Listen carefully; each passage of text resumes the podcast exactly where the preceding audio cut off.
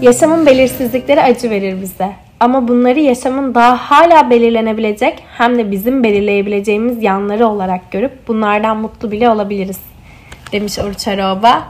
Ve Düşünce Flanörü'nün ilk bölümüne hepiniz hoş geldiniz. İlk bölümü mü? Evet, ilk bölümü Çok tanıtımdan şaşırdım. önceki. Ve çok sevindim. Çok teşekkür ederim. Çok mutlu oldum. İlk bölüm için Mardin'den kalktım geldim İstanbul'a. Evet Duygucuğum hoş geldin ve böylece herkes şu anda konuğum olduğunu duymuş oldu. Ee, ben aslında burada uzunca bir girizgah yapmayı düşünüyordum ama tam şu an nasıl spontane bir ortamda olduğumuzu böylece dinleyenler de anlayabilir. Bunu demişken anı kurtarmak ve joker yeni düşünceler düşünebilmek adına hemen çayımdan bir yudum alıyorum. Evet. Hatta bence dinleyicilerimiz de bir çayını alsın yanına. Çünkü Evet. çok iyi gideceğini tahmin ediyorum. Ee, Biz çayları aldık şu anda Duygu'yla. Böyle çok rahat bir koltuktayız. Siz tabii bizi şu anda göremiyorsunuz. O yüzden ben birazcık tasvir edeyim ve siz böyle kafanızda bir düşünce planörü oluşturun. Bir hayal dünyası oluşturun ve oraya bir duyguyla bir kübra yerleştirin derim. Bu sohbetin lezzetini artık kayıt altına almanın vakti gelmiş diye düşünüyorum Duygu. Ben seni çok iyi tanıyorum ve içten sevdiğim bir dostumsun. İyi ki hayatımdasın. Ama burada seni dinleyenler de neden burada olduğuna, benim hayatıma hem dokunuşlarına hem de senin düşünce dünyana biraz tanıklık edebilsinler istiyorum. O yüzden bu sefer seni her zaman tanıttığım ve senin de her zaman kendini tanıttığın şekilde değil de birazcık senin düşünce dünyana dalarak tanıyalım istiyorum. Duygu Çamurtaş'a neler düşünce planörlüğü yaptırır? Nasıl ortamda bir düşünce planörü olabilir? Kimlerle olabilir? Hangi konularda düşünce planörlüğü yapar? Gibi gibi gibi gibi uzatıyorum. Bunları cevaplamam bir tık zaman alabilir. İlk olarak o zaman şöyle bahsedeyim. Ben de tabii ki seni çok seviyorum. Burada kesinlikle böyle bu podcast'tesin çünkü. Kübra Nur Duman'ı hayatımın bambaşka bir köşesinde ve çok özel bir noktada korumaya gayret ediyorum. Bunu da belirtmiş olalım. Şimdi o zaman hep böyle genel olarak şundan bahsediyorum. Mardinliyim çünkü Mardinli olmak benim kimliğimin böyle en sevdiğim parçasından bir tanesi. Mardinli olmak sadece işte hani bir şehirli olmak değil bende en azından yarattığı etkide. Mardinli olmak çok büyük bir zenginlikmiş gibi geliyor çünkü bana. Kültürün zenginliği, çocuklukta mesela işte ailenin Müslüman olması ama Süryani aile dostunun olması, Ezidi misafirlerinin olması, onların bakış açısı, onların bayramları, onların dini kültürleri. Ya bunlarla büyüdükçe bahsettiğin işte düşünceler arasındaki akışlar, açtığın ufuklar o kadar böyle başka boyutlara erişiyor ki evet diyorsun ya bu sağlam bir zenginlik. Ve kesinlikle her zaman şunu da belirtme taraftarıyım. Şimdi mesela farklı farklı noktalarda başarı elde edince herkes şey diye düşünüyor. Ha kesin işte Mardin, e, işte zenginlik diye bahsediyor sürekli ve bunun maddi noktalarına değiniyorlar. Ama aslında öyle bir şey yok yani baktığında yaşam koşulları oldukça standart olan dört çocuklu bir ailenin son ferdiyim. Mardin'de internet var mıydı? Aa Mardin'de neler neler var. Bilgisayar geldi Mardin'e internetten önce falan. Ay, sizin oralarda da öyle planörlük yapılıyor Aa, yani. tabii İnternetten ki, falan lütfen. açtırıyorsunuz. Yani işte baya böyle işte bu tarz akran mobbingi de yediğimiz zamanlar oluyor. Tabii Aa. şaka yapıyorum elbette. Ama yani sürekli hayatımın belli noktalarında engelleri aşmak durumunda kaldım. Ve bunu ilk etapta mesela düşündüğümde üniversite ilk Bandırma'da başlamıştım. Ve herkese bu kadar rahat bir şekilde Mardinli olduğumu söyleyemiyordum. Maalesef işte o zaman Mardin terörle anılıyordu ve aslında sadece terör özelliği varmış gibi biliniyordu. O yüzden Mardinliyim derken hep insanlar bana o gözle yaklaşıyordu ve bu çok ötekileştirici ve aşağılayıcı bir şeydi. Halbuki ondan çok da bağımsızsın yani. O yüzden burada kendimi toparlamam ve işte geri dönüş e, kararı aldığımda ailemle başlayan challenge'im aslında benim büyümemi sağlayan güzel bir adımdı. İşte Mardin'e geçiş yapmak gibi falan. Tabii ki işte üniversite hayatının çoğu noktasını kaçırmış olabilirim. Ama ilk challenge aileydi ve ailenin benim hayatımda çok büyük bir yeri var. Yani her şey böyle ailem çerçevesinde bilhassa annem çerçevesinde şekilleniyor. Ve evet benim düşünce flanörlüğüm hep bu çerçevede gerçekleşiyor. Mardin, Aslında- aile ve challenge. Aslında çok güzel bir noktaya temas ettim bence. Çünkü mekanların gerçekten bizim üzerimize çok ciddi etkileri var.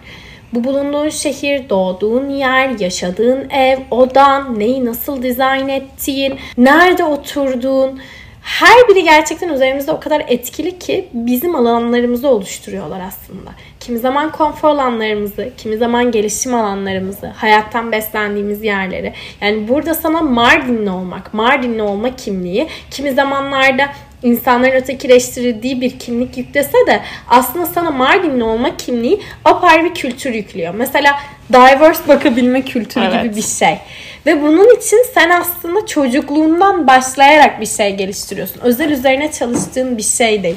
Sen bugün Mardinliyim derken aslında insanlar bir kültürden kendi içinde bahsediyor oluyorsun ama onların kafalarına bambaşka yargılar oluşabiliyor. Bu çok ilginç bir durum sahiden. Ve sen her seferinde yeri geldiğinde kendini açıklarken bulabiliyorsun. Ama mekanların üzerimizdeki o alansal oluşturduğu farklılıkları da bence çok güzel özetliyor.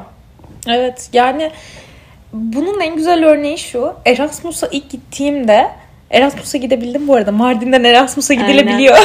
Bunu da söylemiş oldum. Mardin'den Avrupa'ya açılan hikaye. Evet, Akasis'te. videomuzda senin başlığın buydu. Hemen burada böyle bir link falan Küçük, bırakalım. Kübra'nın diğer içeriklerine hemen küçük bir reklam arası. Ee, burada mesela ilk Polonya'ya gittiğimde zaten yorgunluktan hemen uyumuştum ilk gün.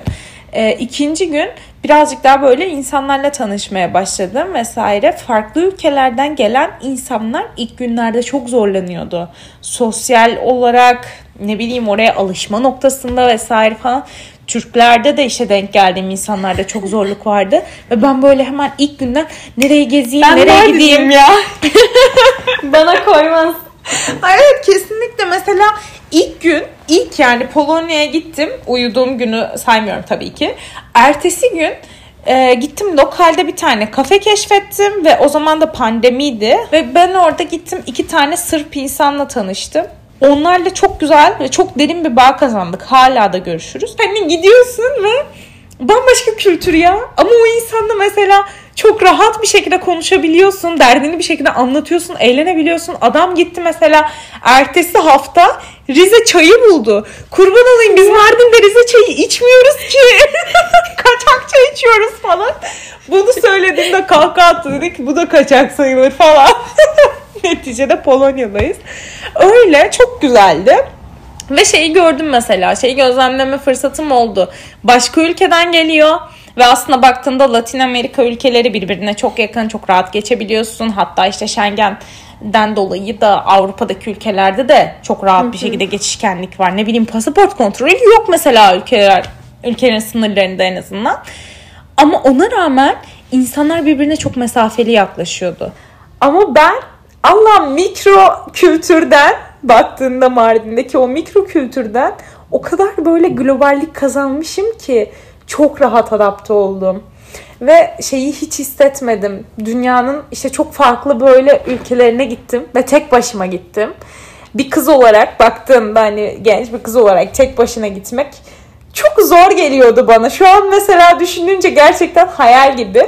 Ama hiç korkmadan gezdim. Bu bölümümüzün konusu aslında biraz challenge sever olmak. Ama challenge sever olmakla beraber konfor alanlarını da kendi kendine inşa etmek üzerine bugün özellikle konuşacağız. Şimdi Duygu'nun hikayesini dinleyince de hani ki bu hikayesinin sadece yüzde ikisi falan ama yani genel bağlamda böyle challenge'a çok açık ve zaten challenge aslında belki de konfor alanının bir parçası haline getirmiş bir insan olduğunu rahatça anlayabilirsiniz. Ve ben bugün insanlardan challenge dendiğinde böyle çok benzer şeyler duyuyorum. Mesela hayat challenge'ı bağlamında yeni bir işe girmek olabilir, yeni bir sektör olabilir veya da işte yurt dışına tek başına çıkmak olabilir falan. Böyle şeyler sıralanıyor genellikle. Ve bunu da artık garipsemiyorum çünkü zaten challenge kendini oluşturabilmek.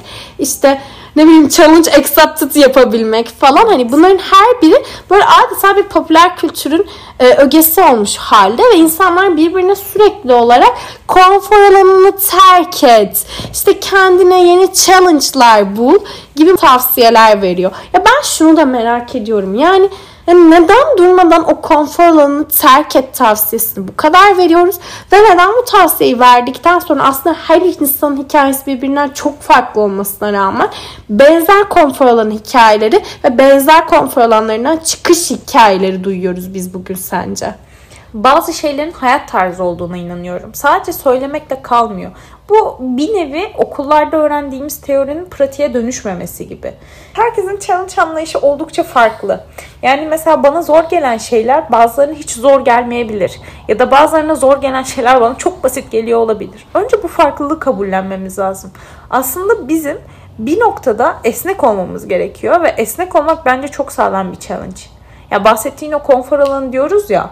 Konfor alanı daha böyle net çizgilerin olduğu, net sınırların olduğu bir alan oluşturmak kendine.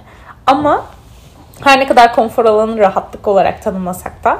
Ama baktığında challenge birazcık daha esnek olmayı gerektiriyor. Hatta birazdan çok daha fazla esnek olmayı gerektiriyor. Mesela sen bir krize nasıl yaklaşıyorsun? İlk böyle o krizi yaşadığında nasıl bir tepki veriyorsun? Empati kurabiliyor musun mesela? Yoksa gerçekten öfkeyle mi hareket ediyorsun? O yüzden bu kriz anlayışını birazcık daha e, net bir yaklaşım sergilemek her karakterde farklılık gösterebilir.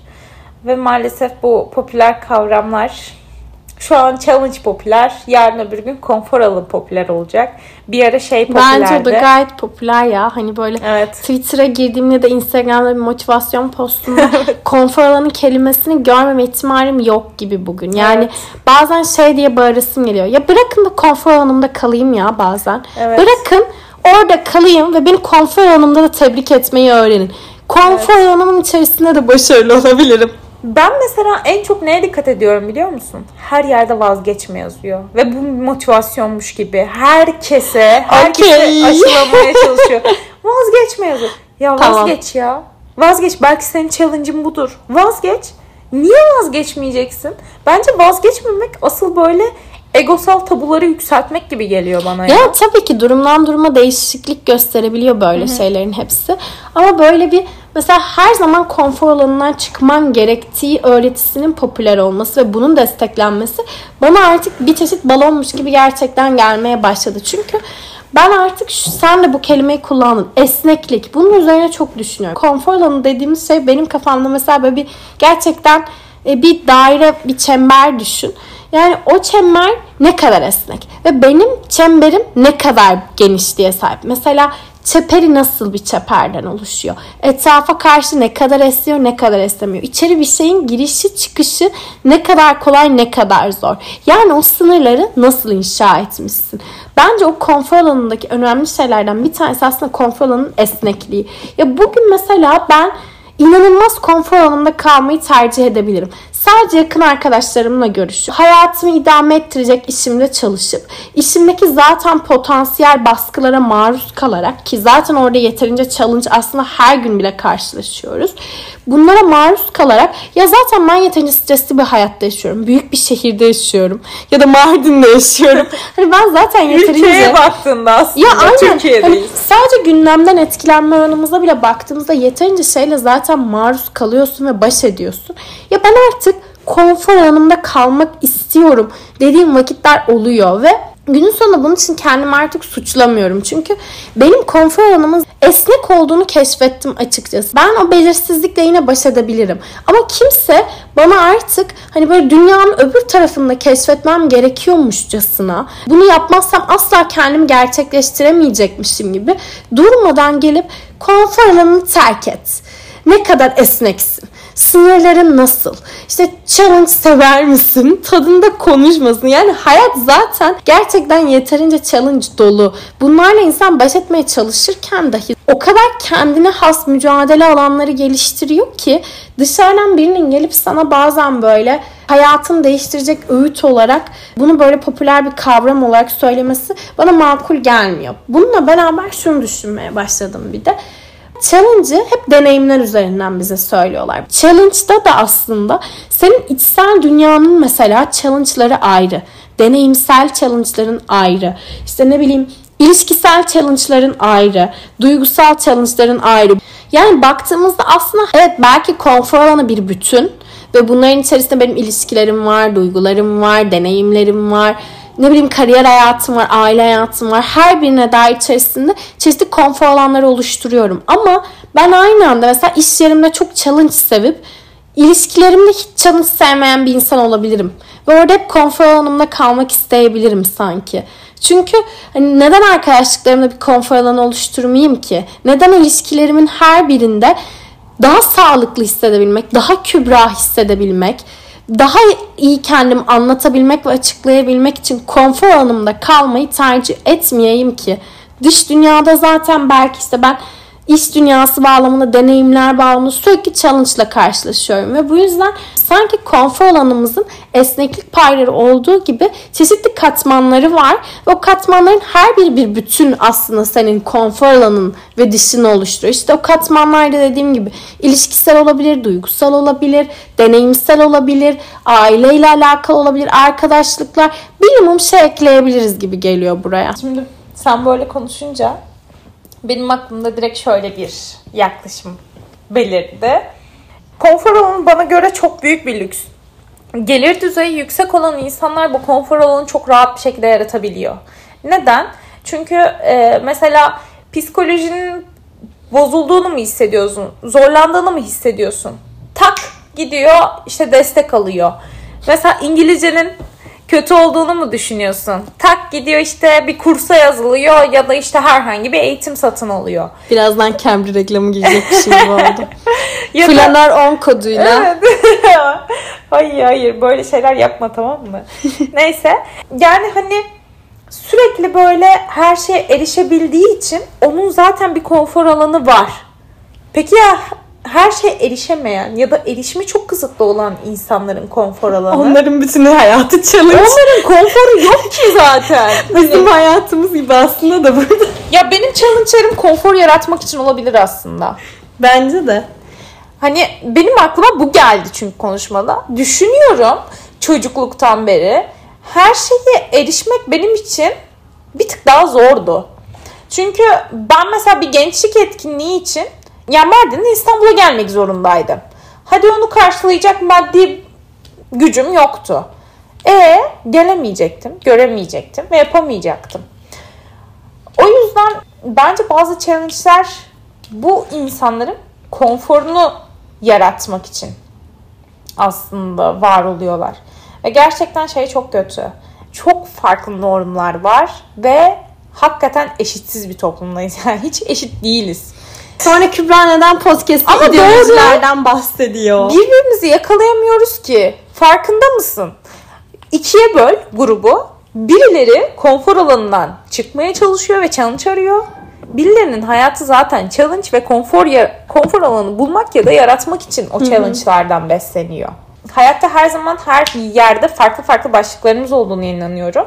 Ve bu başlıkların senin de bahsettiğin gibi illa challenge'a ihtiyacı yok. Eğer kerteriz noktan belliyse ilerle ya. Tam bu noktada aslında şunu düşünüyordum dün böyle bu bölüm üzerine düşünürken.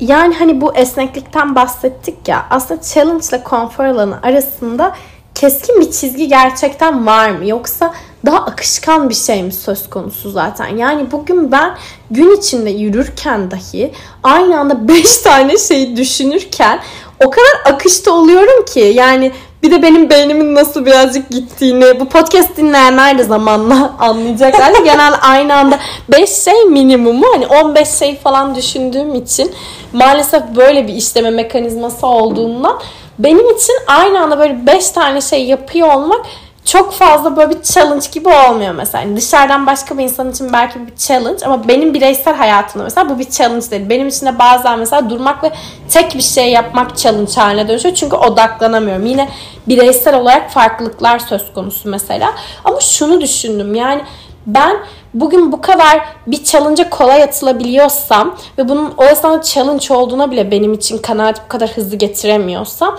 yani benim konfor alanından çıkmamla çıkmamam arasında bir akışkanlık da oluşmuş. Yani durup şey demiyoruz hayatta. Şu an konfor alanımdan çıkıyorum. Bir dakika adım attım ve hop dışarıdayım demiyorsun. Aslında orada seni sana kaldıraç görevi gören bir şeyler oluyor mesela. Cesaret veren, o cesurluğu getiren ya da işte daha oradaki, çok korkmanı sağlayan. Evet. Ne bileyim daha tutkuyla yaklaşabilmeni evet. sağlayan çeşitli kaldıraçlar oluyor mesela. Ve zaten sen oranın dışına çıkmış oluyorsun. Ve böyle yapa yapa zamanla bazen o konfor alanı da genişliyor, esniyor. Sen hangi kaldıraçlarla dışarı doğru çıkıyorsan aslında ya da kimlerle çıkıyorsan zamanla onlarla beraber genişlemeye ve daha akışta olmaya başlamış oluyorsun. Bir de yani şey de atlamamak gerekiyor gerçekten. Yani herkesin challenge'ı birbirinden çok başka. Ben bugün durabilmek için gerçekten inanılmaz efor sarf ediyorum. Yani mesela hastayım bir haftadır ve duvarı izlemek diye bir eylem olduğunu hatırladım ve duvarı izlemenin ne kadar zor bir eylem olduğunu hatırladım. Hiçbir şey düşünmemenin ne kadar zor bir eylem olduğunu fark ettim. Ya da hiçbir şey düşünmüyorken bir yandan işlerinin var olduğunu bilip hareket edememenin ne kadar zor olduğunu anladım ve işte bu senin benim için challenge bu, evet. yani hani. Ama başkasına anlatsan desen ki duvarı izliyorum. Aa konfor alanı konfor alanı çünkü yataktasın duvarı izliyorsun ne bileyim işte rahat bir pozisyondasın. Hı. Konfor bu değil ki. Her kelimenin başka başka insanlarda çağrıştırdığı noktaların farklı olabileceğini anlamamız lazım. Bence bu noktada empati yeteneği işte ön plana çıkıyor. Yani aslında beraberinde şunu düşünüyorum. İnsan zaten bence tahayyül edebildiği şeyleri genel olarak ne kadar konfor alanı dışında olabilir ki? Mesela bugün işte yer değiştiriyorsun ve bambaşka bir ülkeye gidiyorsun.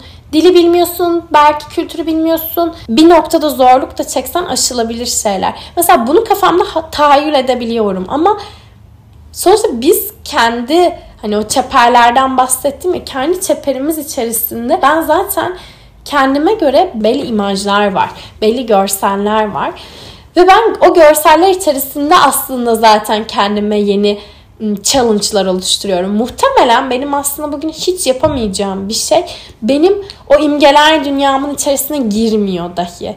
Yani sanki insan zaten tahayyül edemediği herhangi bir şeyi challenge diyebilmeye bile muktedir değil gibi evet. yani. Hani şu anda aynı cümle içerisinde hem Osmanlıca hem İngilizce kelimeleri bir arada kullanmam hayatımın karmaşasına birer Mesela, örnek ama. Görüyorsun Mardin yansıması bu. Evet. Ben sana demiştim global bir insanım ben. ben bir de hatta böyle dinleyenlere de bir soru sormak istiyorum. Yani şu anda aklınızdan bir challenge tutun. Ve onu bırakmayın. Hayır onu bırakmayın.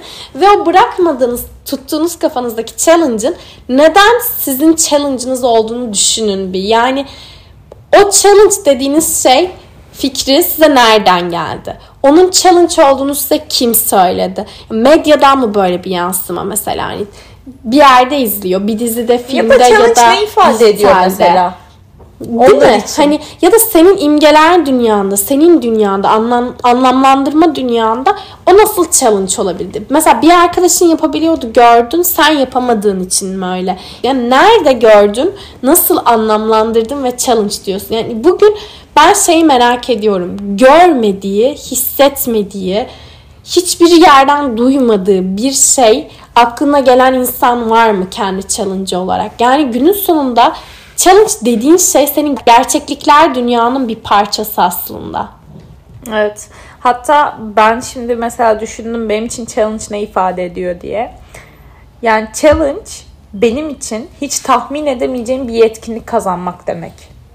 Ne bileyim mesela işte herhangi bir noktada tabum mu var? O tabumu kırmaya mı yaradı? O konuda bana esneklik mi kazandırdı? Ben dönüp ancak onu kazandıktan sonra ona bir challenge diyebilirim. Challenge'ın içinde mesela şey diyemem. Ben bir challenge'ın içindeyim diyemem. Bu kadar rahat olamam mesela. Ben zorlanmayı çok çok seviyorum. Ama işte tabii ki bazen de hani bir salın demek de istiyorum.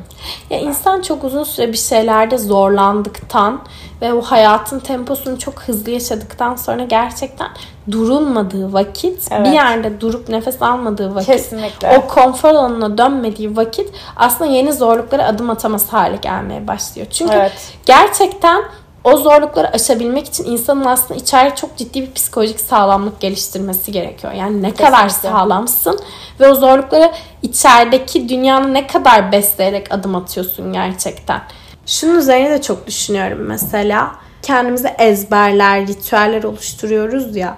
Bu ezberler, ritüeller baktığımızda sanki hep konfor alanımıza hizmet edermiş gibi görünüyor. Ama dedim ya o iç çeperi sağlıklı tutabilmek. Çok basit bir şeyden yaklaşacağım. Mesela sen Mardin'den bahsettin. Mardin senin artık bir çeşit konfor alanı. Zorluklarıyla beraber bir konfor alanı. Ben böyle bazı hafta sonları tek başıma Kadıköy'e doğru gitmeye başlıyorum. Genelde Kadıköy oluyor bu evime yakın olduğu için. Ee, ve böyle hep yürüdüğüm yolları yürüyorum tamam mı? Hep Söğütlü Çeşme'de iniyorum ve Söğütlü Çeşme'den Moda'ya kadar benzer yollardan gidiyorum ve her seferinde farklı bir şeyler görüyorum o rota üzerinde. Ve bu bana o kadar keyif veriyor ki o yolları sürekli yürümek, o hafta sonunda yürümek, erken saatte yürümek, kendi kendime fotoğraf çekmek ve her seferinde yine de küçük küçük farklılıklar görmek. Ve her seferinde şöyle tamamlıyorum günü. İnanılmaz iyi bir ritüel günü ve çok beslendim. Çünkü sanki iç çeperimi o gün o kadar besliyor ki aslında yolumu, rotamı bile değiştirememişim. Aynı yolu yürüyorum bak. Ama o yolu yürürken o ritüeller aynı yerden aldığım kahveler, işte ne bileyim aynı noktalardan çektiğim fotoğraflar benim iç çeperimi sanki çok besliyor ve ben günün sonunda kendimi böyle o haftaya mesela pazar günü sabahı yaptım diyelim ki bunu pazartesiye başlamak için kendimi daha iyi hissediyorum gerçekten. Tık modumu yakalıyorum. bir geliyor yani bana böyle bir hani gerçekten güneşimi sonraki hafta için doğduran bir şey oluyor. Ama mesela hafta sonumu da sürekli hafta içindeki aynı tempoyla yaşadığım ya da bazen daha da yüksek bir tempoyla yaşadığımda bakıyorum. Böyle artık bir yerden sonra bir hafta öyle yaşıyorsun, iki hafta öyle yaşıyorsun, üç, üçüncü hafta bir yerde böyle artık duruyorum ve diyorum ki yani kaçamak bir güne ihtiyacım var. Ama öyle bir kaçamak ki gerçekten kaçmak. Yani her şeyden kaçmak istiyorum. Benim için böyle sürekli sorumluluk olarak bir yerimde duran her şeyi bırakmak, yer değiştirmek, insanlardan uzaklaşmak ve tamamen kaybolmak istiyorum yani. Beni kimse bulamasın, kimse benden bir şey beklemesin, bir challenge oluşmasın. Kendi kendimle kalayım ve kendi challenge'ımı da oluşturacaksam oluşturayım orada. Yani bir yerden sonra insan ezberleri ve ritüelleriyle de çok besleniyor. Yani insanı sadece besleyen şey o challenge'ın oluşması ve senin yeni bir şey keşfetmen, kendine dair bir şey daha tik atabilmen değil. Bazen de ritüeller insanın kendisinin keşfine çok hizmet ediyor. Çünkü o yolda her gün yürürken mesela sen şunu düşünmeye başlıyorsun. Ya benim güncel hayatımda neler oluyor? Ben nelerle, hangi zorluklarla nasıl baş ettim? Ne kadar değiştim? Mesela o yolu yürürken ben bir, bir yıl önce nasıl yürüdüğümü biliyorum bugün. Bugün nasıl yürüdüğümü biliyorum. Ya da senle şu an mesela Beyoğlu'ndayız. Ben seninle sürekli sokaklara daldığımızda ya burada şöyle anım vardı, burada böyle anım vardı deyip duygulanıyorum durmadan. Ve günün sonunda kendimi şöyle hissediyorum. O anıları yaşadığım zamanki Kübra ile şu anki Kübra aynı değil. Ama şu ankinin oraya bakıp duygulanma halinden çok mutlu oluyorum. Çünkü aştığım çok fazla şey olmuş. Hani bunu deyince böyle bir başarı hikayesi falan değil tabii ki ama içsel dünyama dair, geliştirdiğim şeylere dair, hayata bakışıma dair, ne bileyim hayata dair yüklendiğim böyle ekstra deneyimlendiğim şeylere dair ne kadar değiştiğimi, dönüştüğümü, büyüdüğümü hissediyorum yani. Ve o ritüeller, şurada yürüyor olmak belki her gün beni çok besliyor. Yani değiştirmeyeyim yer. Kalayım ben buradaki konfor alanımda. Beyoğlu'nda kalayım. Kadıköy'deki ritüel günümde kalayım.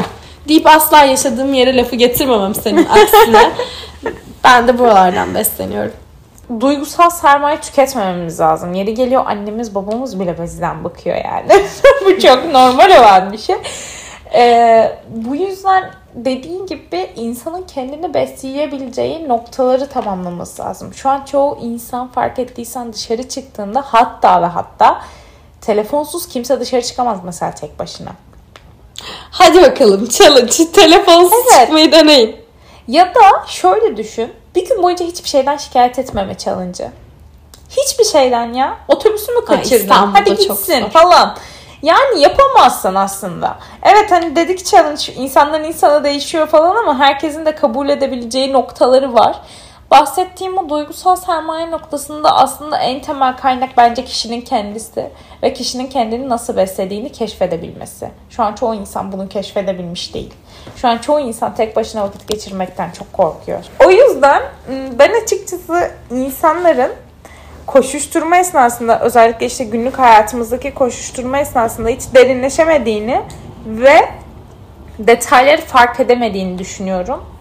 Bu yüzden derinleşmek için kesinlikle kendine dönüp bakmak ve kendinle vakit geçirmenin de güzel bir challenge olacağına inanıyorum.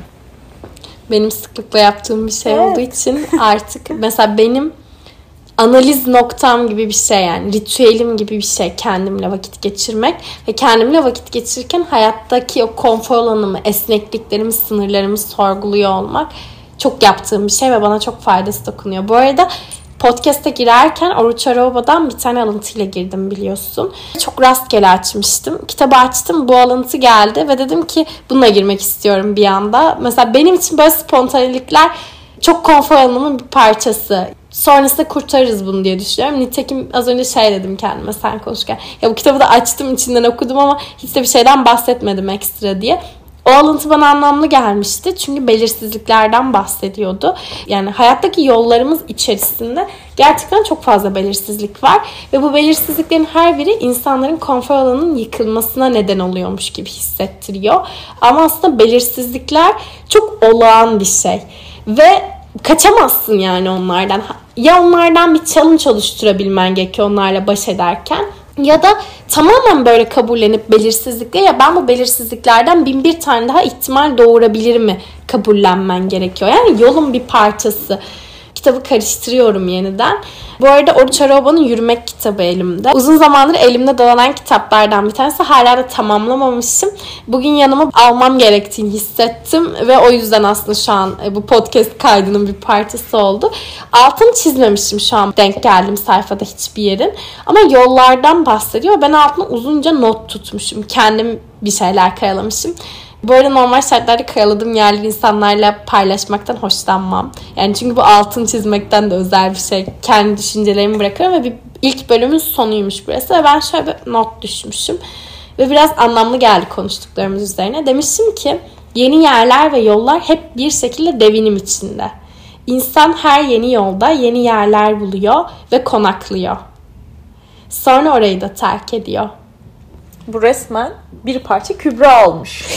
Kitaba bir parça Kübra bırak. Benim böyle şeyler yap yani gittiğim yerlerde okuduğum kitaplarda bir şey bırakmayı seviyorum.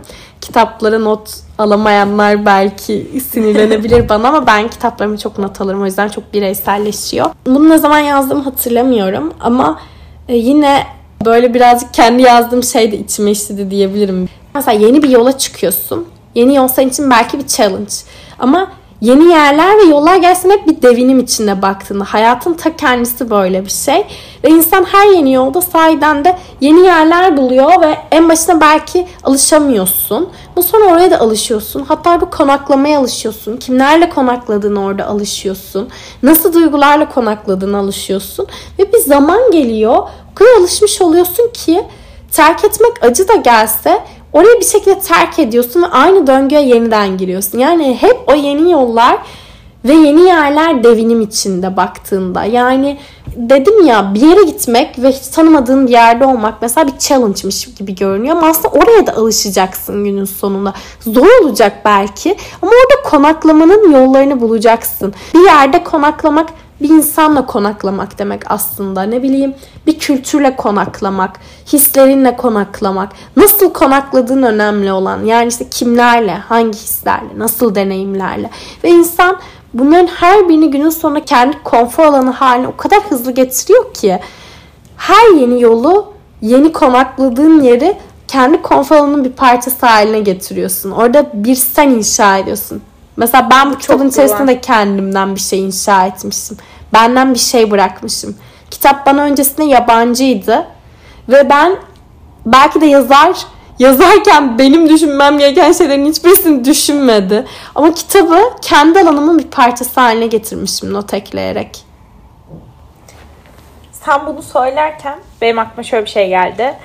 Ya ben böyle gittiğim her yerde, her yeni yerde ya da gittiğim sürekli gittiğim yerlerde farklı bir duygu olduğumu keşfediyorum. Ama sürekli. Mesela biz seninle bir daha bu koltuğa oturalım. Başka bir duygu olarak otururum. Bu benim işte bu kalemin gibi bir karakterim olduğu anlamına gelmiyor tabii ki. Sadece şöyle. Her gün gelişiyor muyum? Ve geliştiğimi hissediyor muyum? Ya da mesela ben şu an seninle bu duyguları yaşıyorum. İşte dostluğumu hissediyorum, samimiyetini hissediyorum, Allah içtenliğini hissediyorum. Şimdi birazdan kötülüyormuşum seni. Neyse. Olsun. hissediyorum. Ve bunları hissetmek bana başka bir duygu olma özelliğini katıyor. Mesela al beni bu ortamdan hiç tanımadığım bir ortama koy. Bu kadar samimi, bu kadar içten hissetmediğim için oraya da başka bir duygu olacağım. Ketum bir duygu olacağım. Hani mümkün değil. Siz de duygunuz sert hali birseniz. Hayır. Hayır. Bu senin sorularının zor olma e, Ama gerçeği bugün kadar. sana sorular sormadım farkında. E, tabii ki Sohbet tabii ki. ettik. Bu kesinlikle çok sağlam bir kıyaktı. Çok teşekkür ederim. Bu arada buradan daha ilk bölümümden sonraki bölümlerimin konuklarına bir çağrım Korkmayın. olsun. Yani evet bak Duygu bile artık bugün korkmayın dediyse Bile. e, ki korkuyordu epeyce bu kaydı çekmeden önce.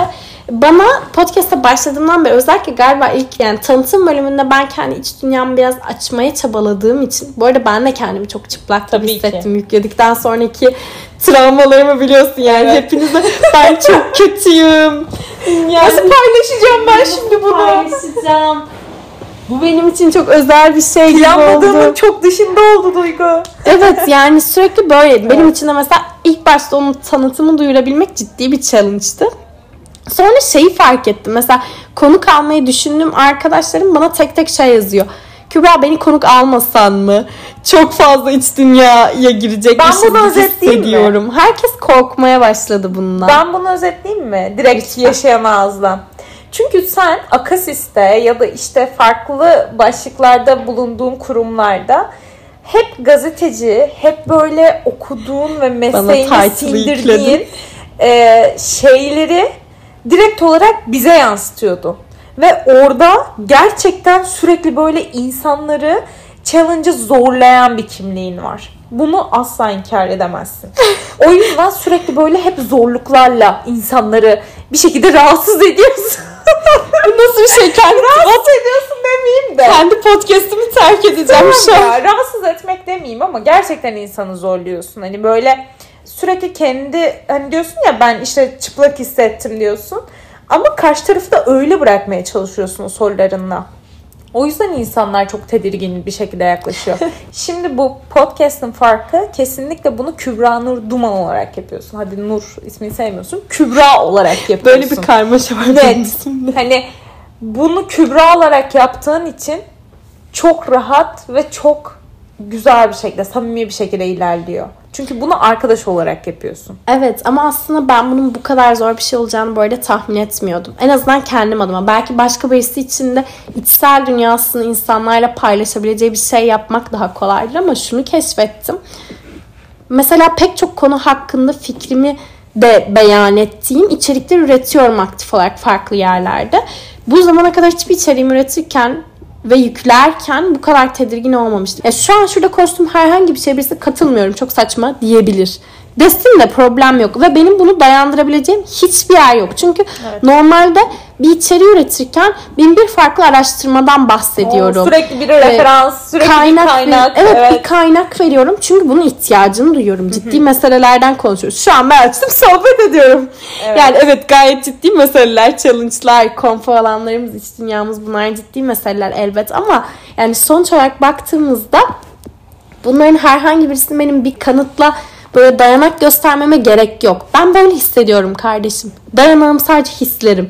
Dayanağım sadece şu yaşımdaki versiyonumun böyle düşünceleri, yarın bile değişebilir şu düşüncelerim. O yüzden flanörüm diyorum yani. O yüzden torluğumun arkasına sığınıyorum burada ve yani değişime dönüşüme açığım bu podcast'te. Bir gün dediğim diğer gün dediğimi tutmayabilir ama bu aslında çok büyük bir risk mesela. Çünkü kendi içimde çelişeceğim şeyler yükleyeceğim belki evet. buraya ben. Ya da konuklarıma konuşurken bile fikrim değişebilecek belki. Ama günün sonunda bu dönüşüme hazır mıyım? Ben de bunu sordum yani. yani. Bu kadar içsel bir şey yapmaya da hazır mıyım ki belki bundan çok daha derin hani daha da dibe daldığımız şeyler de çekebiliriz. Hazır mısın mesela? Bu da aslında mühim bir şey. O konfor alanından çıkmaya ya da o challenge'a atılmaya sahiden hazır mısın? Her o konfor alanından çıkıp orayı esnetebileceğinin farkına vardığın an dönüşme ihtimalin çok yüksek olduğu anlamına geliyor. Ve yeni sen eskiye döndüğünde her şey bambaşka olabilir. Yani insanlarla iletişim biçimin, ilişkilenme biçimin, ne bileyim gündelik hayatın, pratiklerinin her biri farklılaşabilir. İnsan gerçekten challenge'ı seviyorsa dönüşmeyi de sevmek zorunda oluyor günün sonunda biraz. Sevgili dinleyenlerimiz, Duygu'nun şimdi anlamlı sözler söyleyeceği bir kapanış yapacağız. Hazır mısın Duygu? Değilim. Bu, bu bir challenge olacak senin tamam. için. Şimdi düşünce flanörüne veda etme vaktin. Böyle ez cümle toparlayacak olursak, baktığında hayatta sence challenge sever olmak nasıl bir şey? Ve insan hangi noktalarda challenge'ı sevmeye açık oluyor? Evet siz bugün Duygu'yu dinlediniz ve dinlediğiniz Duygu duygu olmayı hep challenge'lardan başardı. Challenge'lardan kazandığı yetkinliklerle başardı. Ve ben inanıyorum ki eğer siz de bunları başarmak için yola çıkarsanız bu yolda çok güzel karşılaşmalar gerçekleştireceğiz. Tıpkı Kübra ile karşılaşmam gibi. Umarım sizinle bu yolda en kısa zamanda ve en güzel yerinde karşılaşırız. Sağlıkla kalın ve challenge'la kalın. yol, yol, yol. Efendim yol. Aslında yolda olmak gerçekten o konfor alanını da inşa etmenin, o konfor alanından çıkmanın da, esnemenin de aslında akışta olmanın ta kendisi belki de.